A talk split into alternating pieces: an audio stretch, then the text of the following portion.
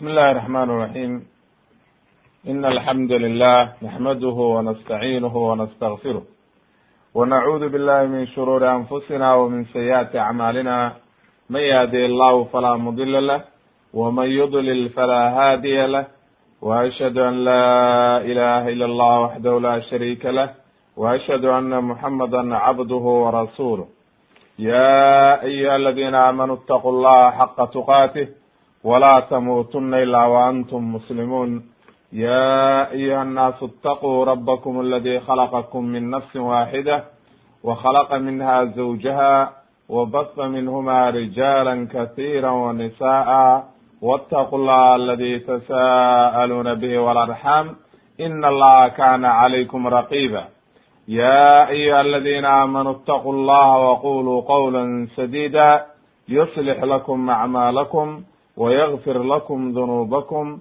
ومن يطع الله ورسوله فقد فاز فوزا عظيما أما بعد فإن أصدق الحديث كلام الله وخير الهدي هدي محمد صلى الله عليه وسلم وشر الأمور محدثاتها وكل محدثة بدعة وكل بدعة ضلالة وكل ضلالة في النار إن شاء الله تبارaka وتaعالى silsiladii qasas alambiyaa oo aynu ku dhex jirnay ayaynu waxaynu soo gaarnay qisatu xisqiyaal ama xasqiyaalna waa la yidhi oo macnaha xa'da oo la kor dhigo ama la hoos dhigo labadaba fatxa iyo kasraba way ku keeneen culummadu marka xisqiyaal calayhi salaam waa nebi ka mida nebiyadii reer bani israa'iil oo waxa weeye sida ay culummadu caddeeyeen inuu nebi ahaa reer bani israa'iil ka mid ah waana inoo imaanaysaa waxa weeye tafsiil isagoo ah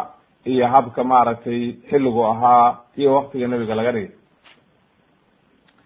Marka xisqiyaal ayaa la yihahdaa ama xasqiyaal oo xa'da la fatxeeyo la kor dhigo ama la hoos dhigo. Qaala alimaam ibnu jariir raximahu llah waxa uu yihi fi taariikhihi walaa khilaafa buu yihi bayna ahli lcilmi dadka cilmiga ahlu cilmiga oo culummada weliba akhbaarta u leh cilmiga akhbaartii hore dadkii hore akhbaartoodii iyo ummadihii hore u tegey. Khilaaf dhexdooda ma yaalo ana alqaa'ima biumuuri bani israa'iil bacda yuushac markii nabiyullahi yuushac uu dhintay. Waxaynu soo marnay markii nabiyullahi muusa dhintay. Nabiyullahi haaruun iyo nabiyullahi muusa markay tihii ku dhinteen inuu yuushac calayhi salaam oo arrintii gacanta ku qabtay oo tihii ka saaray reer bani israa'iil oo nebi laga dhigay oo ilaahay uu nebi ka dhigay.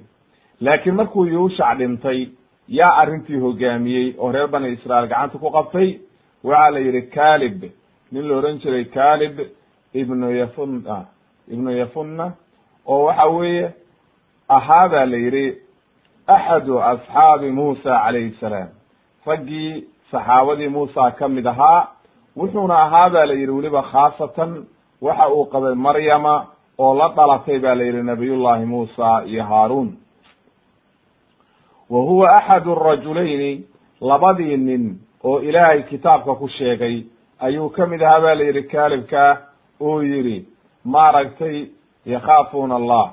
Maaragtay kuwii yidhi markay la hadlayeen reer bani israa'iil oo waxa weye qaala rajulaani min aladina yakhaafuuna ancama allahu calayhim idkuluu calayhim albaaba faida dakaltumuuhu fainakum gaalibuun wa cala allahi fatawakkaluu in kuntum mu'miniin labadii nin marka oo waxa weye reer bani israa'iil markuu nabiyullahi muusa ku yihi magaalada gala oo jihaadka gala oo baytulmaqdis aan ku dagaalano oo ihahdeen waxa weye annaga ma gelayno ina fiiha qowman jabbaariina rag ad adag baa jooga waan ka cabsanaynaa mana u gelayno oo waxa weye halkan aan joogaynaa markay yidhahdeen ayaa laba nin hadleen oo waxay yidhahdeen war ilaahay ka cabsada.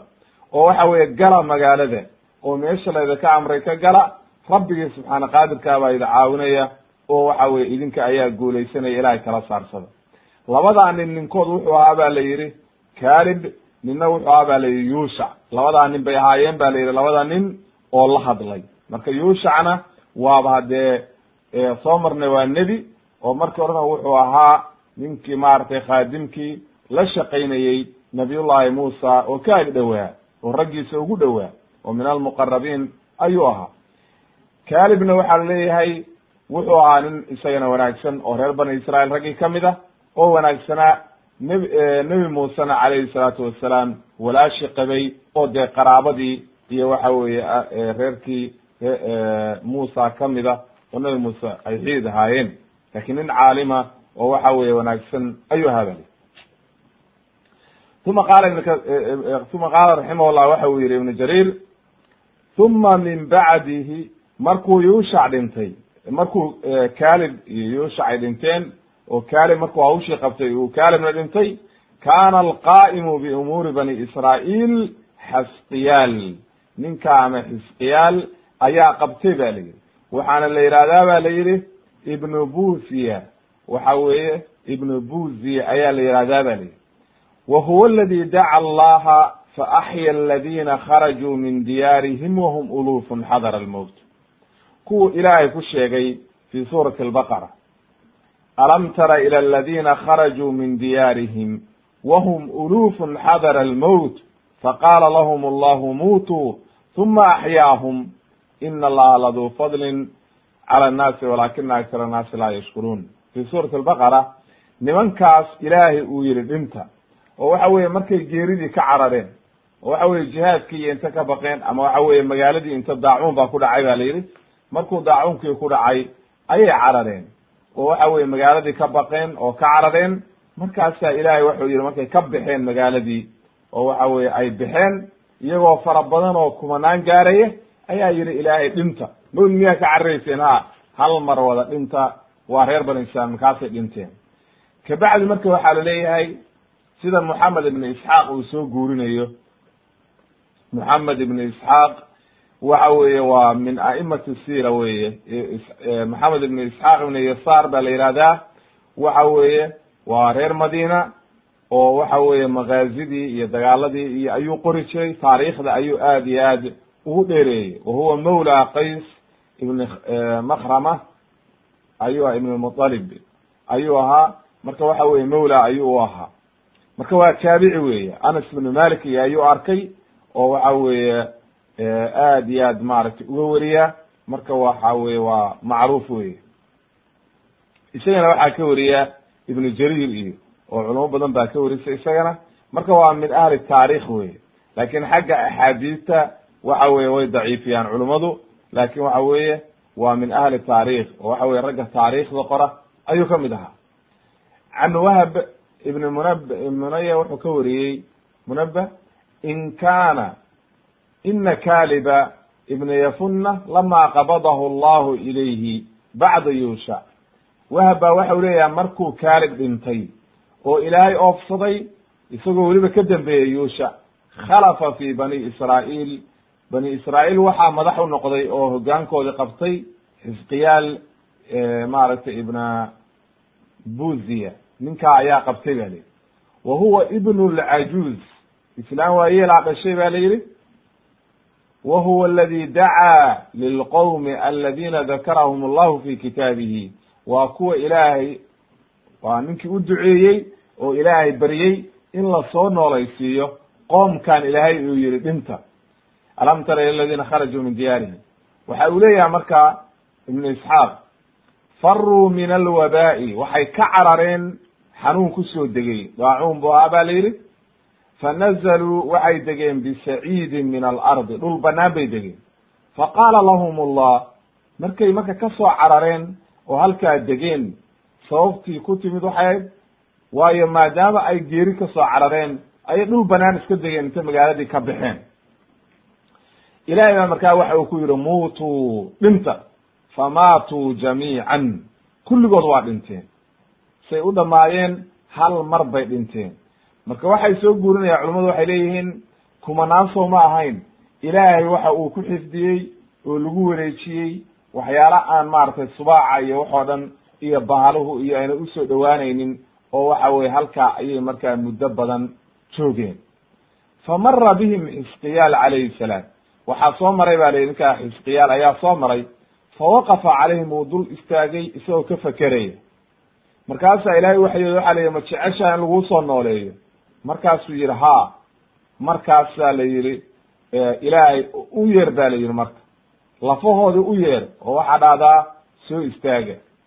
Markaasaa la yidhi haddana waxaad ku dhahdaa hilibkii iyo lafihii maaragtay isugu yaro waxaa dhahdaa jirkoodii waa inaad lafihii iyo maaragtay seedihii iyo wixii oo dhan isugu yeer ba la yidhi fanaadaahum wuu u yeeray markaa faqaama alqawmu ajmacuun. Kulligood hal mar bay istaageen ayaa la leeyahy marka kalaamkaa kollay waa aqwaashii reer bani israa'iil laakin waxa weeye saasay maaragtay culummadu ugu fasireen waxay yidhahdeen ninkaas ayay arrintu ku dhacday.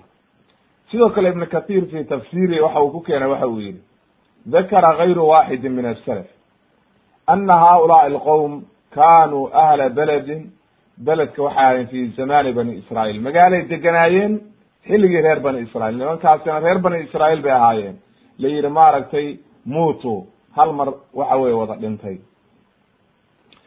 waxaa ku dhacay buu yidhi marka xanuun oo waxa weye dhibaataa ku dhacday markaasay fakharajuu firaaran min almowt iyagoo mowtkii ka cararaya ayay baxeen haaribiina ila albariya baadiyahay u baxeen marka.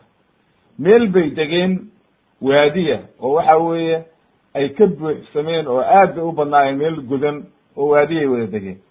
Mar alla markay halkii degeen ayaa markaas rabbigii subxaana qaadirka ahaa waxa weeye wuxuu u soo diray malakayni axaduhumaa min asfali lwaadi walaakharu min aclaa. Midna kor buu ka istaagay midna hoos waadigii markaasaa lagu qayliyey markaasay hal mar wada dhinteen say u dhamaayeen. Mawtatan waaxida hal qof suu dhintoo kale ayay hal mar wada dhinteen. Halkaasay markay muddo joogeen ba la yidhi oo rabbigii subxaana qaadirkaa ku xifdiyey. Goor dambe ayaa waxaa soo maray ba layihi xisqiyaal markaa fasa'ala allah an yuxyiyahum. Ilaahay wuxuu weydiistay inuu soo nooleeyo markaasaa ilaahay u soo nooleeyey oo iyadoo weliba ay tafsiirinayaan culammadu oy leeyihiin hab marka habkii lagu nooleeyey oo waxa weye mar walba waxaa la oranayey lafaha u yeer jirka u yeer seedihii u yeer. Kulli markaasay waxa weye markii dambe ruuxdiina u yeero waxa dhahdaa ruux walba ha ku noqoto nafteedii ay maaragtay jirkeedii. Markaasay hal mar wada istaageen oo noolaadeen. Marka cibre iyo waxaa ku jirtay arrin aad iyo aad mucjiso wey ninkaasaa mucjiso looga dhigay inay waxa weye marka mucjisay u ahayd ina allaha laduu fadlin cala annaas rabbigii subxaana qaadirkaana waxa weye hadda fadligiisu waa badan yahay laakiin in badan oo dadka ka mid a waxa weye ku shukrimayaan oo ma garanayaan sidoo kale waxa uu yihi imaam sudi waxaa laga warinaya wuxuu yihi can abi malik buu ka warinaya wa can abi salix can ibni cabas can murana waxa uu ka warinaya cabni mascuud cabdullahi ibni mascuud iyo saxaabo kaloo badan waxay yihahdeen alam tara ila aladina kharajuu min diyaarihim wahum ulufun xadara almowt faqala lahum allahu muutuu tuma axyaahum qaaluu waxay yihahdeen kanat qaryatun yuqaalu lahaa dawardan dawardan ayaa la oran jiray ba la yidhi. Oo waxa weeye waxay ahayd tuulooyinkii iyo magaalooyinkii ay deganaayeen reer bani israail waqaca daacuunu daacuun baa ku dhacay. Qaar baa marka in badan baa ka baxday magaaladii oo baadiyaha u baxday. Intii magaaladii ku hartay ayaa halaagsantay oo daacuunkii dhameeyey in badan. Qoladii marka markay soo noqdeen oo daacuunkii uu baaba-ay oo magaaladii ku soo noqdeen ayaa intii hartay waxay yidhahdeen nimankaanaa naga fiicnaa waayo haddii nimankaas aynu raaci lahayn dee ma aynu dhimaneen oo waxa weye geerida waa ka badbaadi lahayn. Haddii xilli dambe uu daacuun yimaado waa baxaynaa annagana. Daacuunkii baa markaa haddana yimid iyagoo waxay bixeen ba la yidhi halaathuna alfan dhowr iyo soddon bidcatun wa halaathuna alfan iyagoo dhowr iyo soddon kuna ayay bixeen. Meel bay degeen marka waadiya oo aad u ballaaran ayay degeen.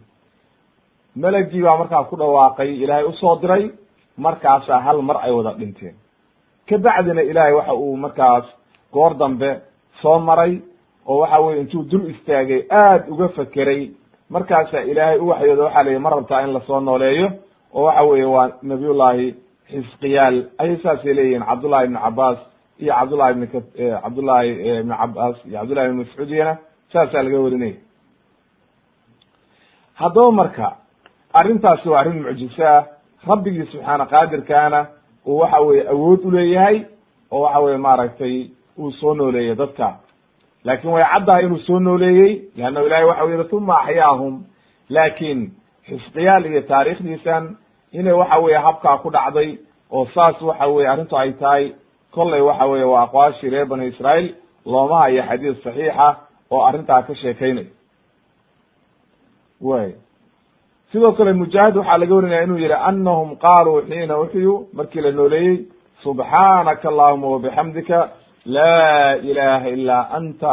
Waxa weye alihii subxaana qaadirka ahaa ayay tawxiidkiisii sugeen oo dad muslimiina ayay ahaayeen ba lihi oo waxa weeye saasay markaas ku soo ilaahay ku soo nooleeyey waxa uu leeyahay marka mujaahid way noqdeen iyo dadkoodii bay ku noqdeen iyagoo waxa weye ay geeridii ka muuqato oo la wada garanayo oo waxa weye dadkii muddo badan waxa weye maqnaa hebel iyo hebel ah la garanayo oo waxa weye markaas kabacdi marka ayaa qof walba caadigiisi u dhintay muddo kab kabacdi wa ama cadaduhum intee bay la ekaayeen waa la isku khilaafay. Dadkaas ilaahay uu yihi dhinta cadadkoodu meeqay ahayen horta ilaahay ulufun buu ku magacaabay kumanaan waxaa la yihi arbacata alaaf bay ahaayeen. Qaar waxay yidhaahdeen sideed kun bay ahaayeen qaar afar kun bay ahaayeen qaar waxay yidhahdeen arbaciina alfan sida cabdullahi ibn cabasi qaar waxay yidhahdeen sagaal kun bay ahaayeen walcilmu cinda allah ilah baa garanaya intay ahaayeen. Wa qaala sheekh naasir sacdi raximah llah markuu fasirayo waxa uu yihi tafsiru kalaam lmanaan waxa uu yihi nebiga ayaa qisadan looga sheekeeyey alam tasmac bi hadihi alqisa alcajiiba oo waxa weeye qisada cajiibkaa reer bani israa'iil ka dhacday miyaadan maqal? oo waxa weye markay ka carareen waxa weye geeridii xanuunkii oo waxa weye ay carareen oo mowt iyagoo ka cararaya. Marka allihii subxaana qaadirkaa hal mar uu dilay cararkoodii marka waxba ma tarin. Cararkii ay geeridii ka cararayeen wax uu taray ma jirto.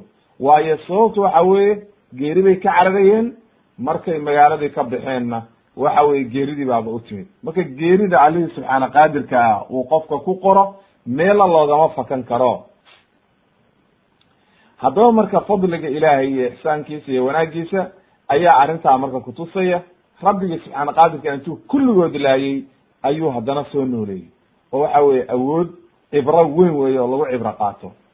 Wuxuu yihi marka wa fi hadihi alqisa cibratun biannahu cala kuli shayin qadiir alihi subxaana qaadirka inuu wax walba awoodo ayay qisadaani kutusaysaa oo awood uleeyahay wax walba ciduu doono dili karo ciduu doono soo noolayn karo ayay arrintaani kutusaysaa wadalika aayatun maxsuusa buu yihi waa aayad macnaha loo jeedo oo la taaban karo fa ina hadihi alqisa macruufatun manqulatan naqlan mutawaatiran cinda bani israa'iil reer bani israa'iil qisadaani waa qiso macruufa bay yihahdeen oo waxa weeye kulli waxa weeye taariikhdooda ku wada qoran oo ay leeyihiin arrintaa waa arrin dhacday. Reer bani israa'iil ku dhacday rabbigii subxaana qaadirka intuu yihi dhinta inuu soo nooleeyey. Waa arrin dhacday wey wuxuu yihi marka waa suurtagal buu yihi inay qoladaani ay magaalada markay ka baxeen khawfan min alacdaa iyagoo cadow ka cararaya waana suurtagal inay waxa oo baqdin ay la carareen oo yidhahdeen yaa laydallayna carara. Waana suurtagal inay xanuun ka carareen. Oo waxa weeye labadaba waa wax suurtagal ah. Oo waxa weeye maaragtay calaa kulli xaal geeri un bay ka carareen. Rabbi baa garanaya laakiin noocay ay ahayd. Laakiin saxa aqwaasha mufasiriintu waxay leeyihiin daacuun iyo xanuun baa ku dhacay. Sidoo kale waxa uu yihi abubakr aljazairi waxa uu yihi kitaabkiisa aysar tafaasiir markuu ka hadlayo wuxuu yihi allihii subxaana qaadirka ahaa nebiga arrintan ayuu u waxyooday oo u sheegay dadkaas iyagoo fara badan geerida ka cararay. Magaaladana waxaa la yihi waa magaalo magaalooyinkii reer bani israa'iil ka mid a oo daacuun bay ka carareen ayuu maaragtay rajaxay maaragtay abubakr aljazairi inay daacuun ka carareen iyagoo geeridii ka carareen rabbigii subxaana qaadirka ah marka ayaa laayey marka hal mar waxaa la yidhi wada dhinta kabacdina waa la soo nooleeyey dacwadii uu ilaahay baryey nabiyuhum nabigoodii xisqiyaal calayhi salaam. Marka waxa weeye kulli mufasiriintu waxay sugayaan inuu maaragtay xisqiyaal nebi ahaa xilligaa joogay uuna isagu baryey allihii subxaana qaadirkaa markaa loo soo nooleeyey ayay maaragtay wada sugayaan. Sidoo kale cabdullahi ibni cabaas radi allahu canhuma waxa uu yihi ana cumar ibna khadaab radi allahu canhuma kharaja ila sham cumar ibna khadaab waa markii wuxuu ka hadlayaa maaragtay daacuunkii marka daacuunka hadday dadkaa lagu canaantay oo la yihi daacuun bay ka carareen daacuunkii ma laga carari karaa haddii daacuun dhaco oo waxa weye ma laga cararaya waxaa sugnaaday xadiidkii cumar ibna khadaab waxa weye qisadii dheerayd oo cumar ibna khadaab ku dhacday radi allahu canhu sham buu u baxay markuu amiir lmu'miniin ahaa markuu sham u baxay marka oo jidka sii socdo ayaa wuxuu gaaray abu cubayda iyo oo waxa weeye abu cubayda ibnu jaraax oo waxa weeye ciidamadii iyo halkaas maaragtay jihaadkii wada. Fa akhbaruuhu waxay u sheegeen ana alwaba'a qad waqaca bisham waxa weye xanuunka daacuunka la yidhaahdo ayaa sham ku dhacay bay dheheen fa qaala waxa uu yihi ibnu cabaas cumar baa wuxuu igu yihi udcu lii almuhaajiriin. Igu yeer nimankii muhaajiriinta ahaa oo hore wixii jooga iisoo kulmi. Wuu u yeeray kulli markuu isugu yeeray ayuu la tashaday wuxuu war maxaan samaynaa waxa weye meesha daacuun baa ka dhacay ba la yidhi ma gallaa mise waa ka noqonaa waa iskhilaafeen marka. Qaar waxay yidhahdeen ha gelin oo waxa weye ka noqo waayo lama gala meeshii daacuun uu ku dhaco. Qaarna waxay yidhahdeen gal oo waxa weeye waxba ka baqina gal oo waxa weye rabbigii subxaana qaadirka wuxuu qoray ayaan la kulmaynaaye gal. Markay iskhilaafeen bu wuxuu yihi iga iga taga marka idaayi orda. Cumar haddana wuxuu ku yihi cabdullahi ibn cabaas igu yeer ansaartii. Nimankii ansaaraha igu yeer oo reer madiina. Wixii ka jooga waan ugu yeeray bu yihi wuu la tashaday way iskhilaafeen oo qaarna waxay yidhahdeen aan gallo. Rabbigii subxaana qaadirka wuxuu noo qoray baan mudanaynaa. Qaarna waxay yidhahdeen ha gelin oo waxa weye aan ka noqon idaayuu yihi idinkana waa iskhilaafteen iga taga kabacdi wuxuu yihi cumar cabdullahi ibn cabaas wuxuu ku yihi waxaad igu yeertaa odayaashii quraysh oo waxa weeye muslimay maaragtay maalintii fatxi maka oo odayaashii waaweynaa abu sufyaan iyo raggii waaweynaa igu yeer raggaa iisoo kulmi waa shuuraa la samaynaya waa la tashanaya ila arrintii xadiid looma hayo lagu dhaqmo marka shuuruu samaynaya cabdullahi cabd maaragtay cumar ibn khadaab wuu la tashanaya wuu la tashaday odayaashii isma khilaafino kulligood waxay yidhahdeen ka noqo. Waayo odayaal waxay waaweyn oo tajribada iyo waxa weye weligood safri jiray oo garanaya meelaha daacuunku ka dhaco iyo dhibaatadiisa. Lama gala bay yidhahdeen meeshii daacuun ka dhaco ee ka noqo. Oo waxa weye saxaabada iyo waxa weye baqiyadii waxaa kula socota asxaabtii nebige celi oo ka celi daacuunku meesha uu ka dhacay cumar ibn khadaab markaa laba qolo markay iskhilaaftay qolona israacday waxaa loo batay marka hala noqdo. Qoladii badatay marka iyo markuu arkay isagiina ijtihaaday ayuu wuxuu tiri allela ka noqo meeshaan marka. Markuu marka cumar waa dhawaaqo wuxuu yihi inii musbixun calaa dahrin fa asbixuu calayhi. Ay macnaha anigu rakuubkayga waan raranayaa waana noqonaya ee waxa weeye qof walba u diyaar garow oo waxa weeye aan noqon abu cubayda ibnu jaraax ayaa istaagay. Wuxuu yihi afiraaran min qadar illah ma waxaad ka cararaysaa qadarta rabbi? Faqaala cumar wuxuu yihi low gayruka qaalaha ya aba cubayda haddii cid kale odhan lahayd qowlkaa laba qowlba waa ixtimaalaan. Siday culimadu yidhaahdeen ay macnaha hadday cid kale odhan lahayd waan edbin laha oo waxa weye maaragtay ciqaab baan siin laha cumar bin khadaab nin kurul bu ahaa oo waxa weye hadal laguma soo celin jirin haddii uu maaragtay ku taagan yahay arrin xaqa. Qaar kalena waxay yidhahdeen maya waxaa laga wadaa haddii adiga aadan ahayn. Macnaha cid kale hadday ahaan lahayd macnaa adiga kuma filayo maadaama cilmigaaga iyo sharaftaada iyo waxa weeye aad ahayd ragga saxaabada aan filayay inay ugu cilmi badan yihiinoo maaragtay aad iyo aad arrimaha tajribe u leh cid kaleo aan waxba kala garanayn hadday hadalka odhan lahayd waan uga jawaabi lahaa. Wuxuu yihi marka tusaalu keenay cumar ibn khadaab. Wuxuu yihi abu cubaydullah hadlo wuxuu yihi ka waran buu yihi marka waxay yihahdeen saxaabadu cumar wuu nebcaa inuu maaragtay khilaafo aba cubayda. Oo waxa weye dee ninkaa jihaadkii wada oo ciidamadii iyo kulli wada bu ahaa wuxuu yihi ka waran buu yihi markaasuu wuxuu yihi nafiru min qadar illah ila qadar illah. Waxaan ka cararaynaa qadarta rabbi waxaana u cararaynaa qadarta rabbi. Ee ilahay baan tala saaranaynaa waana waana ijtihaadaynaa asbaabtii aan la imaanaynaa wey wuxuu yihi ara-ayta ka waran buu yihi law kaanat laka ibilun. Haddaad geel leedahay oo aada waadi timaadid waadiga dhinacna uu barwaaqo yahay dhinacna uu yahay abaar keebaad daajin lahayd haddii aad daajisid buu yihi dhinaca dooga iyo barwaaqada sow qadarta rabbi kuma aad daajin haddaad daajisid dhinaca abaartaana sow qadar rabbi ma aha. Marka wuxuu tusay haddaan cararno oo ka tagno meeshaan ka noqono iyo haddaanu gallaba kulli inay qadar rabbi tahay. Markii arrintii marka saa dhacday wuu qanacay marka abu cubayda.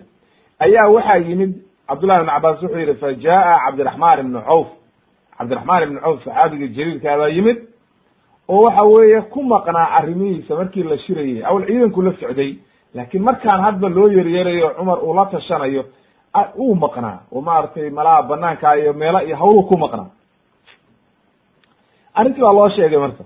Markaasuu yihi ina cindii min hada cilman. Idinku waa dadaalayseen laakiin aniga cilmi baan bahayaa. Samictu rasuula allahi sala allahu alay slam rasuulka ilah baan ka maqlay oo odhanaya idaa samictum bihi biardin haddii aad maqashaan daacuunkii oo magaalo ka dhacay dhul ka dhacay falaa taqdumuu calayh ha gelinina wa idaa waqaca biardin wa antum fiihi falaa takhrijuu firaaran minhu ha ka bixinina idinka oo ka cararaya maaragtay daacuunkii cumar markuu maqlay faxamid allaha cumar ilaahay buu mahadiyey markaasuu yihi aan noqono marka waayo wuxuu waafaqay ijtihaadkiisii iyo waxa weye qowlkii nebiga ayaa iswaafaqay ilaahay buu markaa mahadiyey uu yihi alxamdu lilah ilaahay baa mahad iskale xadiidkaa waxaa warinaya imaamu albukhaari oo waxa weye kitaab dibi daacuun ayuu ku warinaya iyo imaamu muslim iyo keyrkiiba way warinayaan waana xadiis saxiixa abu dawud iyo waana waa warinayaan. Waa xadiis saxiixa. Qaala imaamu nawowi raximah llah waxa uu yihi wuxuu sharaxaya marka xadiiska wuxuu yihi markay gaareen meesha qaryo udhaxaysay oo waxa weeye sham iyo xijaaj udhaxaysay ayay arrintaasi ku timid oo cumar ibn khadaab loo sheegay. Wuxuuna gaaray oo meeshaa joogay ahlulajnaad ay macnaha umaraau jeish jeiskii iyo ciidamadii raggii madaxda ka ahaa. Waayo waxay yidhahdeen xilligaa meeshaas mudunu sham ayaa la oran jiray bay dheheen mudunu sham alkhams ayaa la oran jiray. Waxayna ahayd dale falastiin iyo urdun iyo dimishqa iyo xims iyo waxa weeye qansi qansiriin shantaas magaalo ayaa halkaa ciidamadu oo abaa cubayd iyo raggaas ay ka ahaayeen madax oo waxa weeye jihaad iyo hawshu ka socotay ayuu yihi wa qaala alqaadi waxa u yihi wuxuu yihi marka ibn kathir qowluhu udcu lii ila almuhaajiriina maaragtay uma alansaar uma maaragtay nimankii quraysha tartiibka uu sameeyey waxa weeye qaala alqaadi ciyaad wuxuu leeyahay wuxuu ugu hormariyey dee raggii ugu horreeyey oo waxa weeye maaragtay horay u islaamay. Marka muhaajiriinta waxaa laga wadaa buu yihi alawal raggii labada qible u tukaday macnaha raggii madiine markii hore nebiga la joogay oo intaan baytulmaqdis loo tukan jiray raggii muhaajiriinta ku yimid. Intaan maka loo wareejin. Macnaha adugu calaa kulli xaal waxa weeye waa raggii muhaajiriinta oo hore. Ama muhaajaratu fatxu maka waxaa laga wadaa raggii ku islaamay ba la yihi fatxu maka oo maalintii fatxu maka islaamay ayaa laga wadaa. Wa wuxuu kaloo yihi ibn kathir raximahullah wa kana rujuucu cumar radi allahu canhu markii sababta uu arkay inay u bateen dadkii in la noqdo oo waxa weye isagana ijtihaadkiisii u waafaqay ayuu markaas go'aansaday in la noqdo oo waxa weeye maadaama odayaashaani tajribe ay lahaayeen oo aad iyo aad tajribe ulahaayeen ayuu wuxuu go'aansaday marka qowlkoodii in la qaato oo waxa weye la noqdo laakin qaar baa waxay yidhahdeen may wuxuu yihi ibn kathir sababtuu cumar u noqdayna waxa weeye altawakulu wtasliimu lilqada ilaahay buu tala saarsaday iyo alixtiyaad wa mujaanabati asbaabi ilqaa'i bilyadi bitaluka sababtiina waa la yimid ilahayna waa tala saarsaday. Altawakulu cala allah biakdi alasbaab isagoo asbaabtii la imaanaya ilaahayna tala saaranaya ayuu waxa weye arrintaas ku kacay oo waxa weye uu noqday weye laakiin qaar baa waxay yidhahdeen wuxuu noqday kabacdi markii cumar ibn khadaab xadiidkii loo sheegay. Laakin waxa weye qowlkaas qowl maaragtay laga raajacsan yahay wey qaar baa marka waxay ku fasireen oo waxay yidhahdeen inii musbixun calaa dahrin fa asbixu. Ay macnaheedu waxa weye anigu waaba soconayaa oo meeshaan gelaya ma noqonayo. Laakin qowlka raajixa waxa weeye madiinaan ku noqonaya oo ma gelayo sham maadaama uu ka dhacay maaragtay waba oo waxa weye uu ka dhacay daacunkii. Cala kuli xaal mar alla markii cumar la tashaday saxaabadii oo waxa weye qayb qayb uu la tashaday kabacdi uu arkay qowlkii maaragtay raajixa inuu yahay in laga noqdo ayuu markaas go'aansaday inuu noqdo. Isagoon marka weli noqon oo aan dhaqaaqin oo waxa weeye diyaara laakin doonaya inuu noqdo ayaa haddana xadiidkii cabdullahi ibn maarata cabdiraxmaan ibni coof u sheegay kabacdi markaas ayuu ilaahay ku maadiyey ijtihaadkiisii markuu xadiidkii waafaqay. Wy waxay kaloo yihi ibn kathir raximahullah wuxuu yihi wuxuu yihi imaamu nawowi raximahullah qowluhu law qaala law gayruka qaalahaa abaa cubayd laba qowl bay ku fasireen. Ay macnaha maxduuf baa ku jira macnaha taqdiiruhu waxa weeye laba arrimood.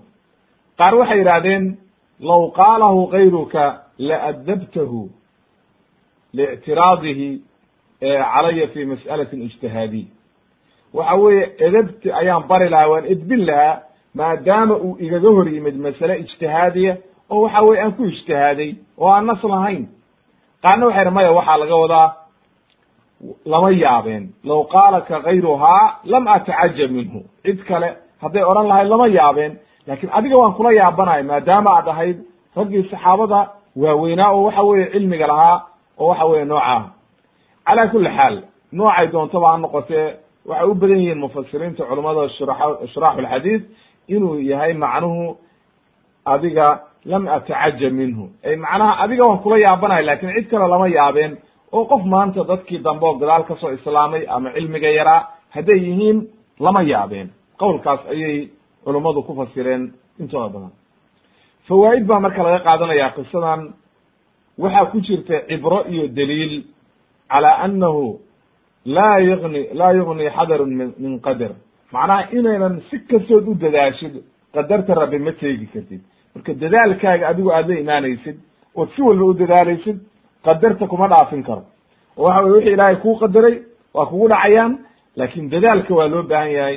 Oo haddii aad dadaashid dadaalkii ilaahayna inaad tala saarasid baa la rabaa. Waayo nimankaas dhintay oo waxa weye reer bani israa'iil oo maaragtay xisqiyaal uu beriyey oo loo soo nooleeyey waxay ka carareen geeri bay ka carareen. Oo waxay yidhahdeen yiidan dhimanin iyagoo doonaya markaa inay sii noolaadaan. Kabacdina ilaahay waa laayey oo waxaa la yihi hal mar wada dhinta. Kabacdina cibro iyo waxa weeye si loogu cibro qaato oo ay ugu noqoto inta dambe tusaale ayaa ilaahay soo nooleeyey. Maadaama marka ilaahay soo nooleeyey wuxuu awoodaa cid walba oo dhimatay inuu soo nooleeyo. Waa caqiidat lbaxthi bacthi weeye bacda almowt in la soo noolaanayo bacda almowt ayay qisadaani daliil u tahay. Waxay kaloo daliil u tahay qisadaani haddii magaalo dhibaato ka dhacdo oo weliba daacuun iyo waxyaalaha noocaasa ka dhacaan inaan laga bixin oo la joogo oo ilaahay la tala saarsado ayay u tahay daliil oo aan ka qaadanayna waxaan kaloo ka faa'ideynaa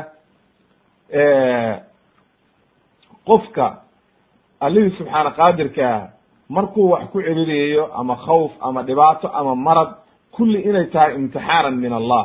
Oo waxa weeye la eegayo bal sabarkiisa iyo waxa weye maaragtay la fiirinayo.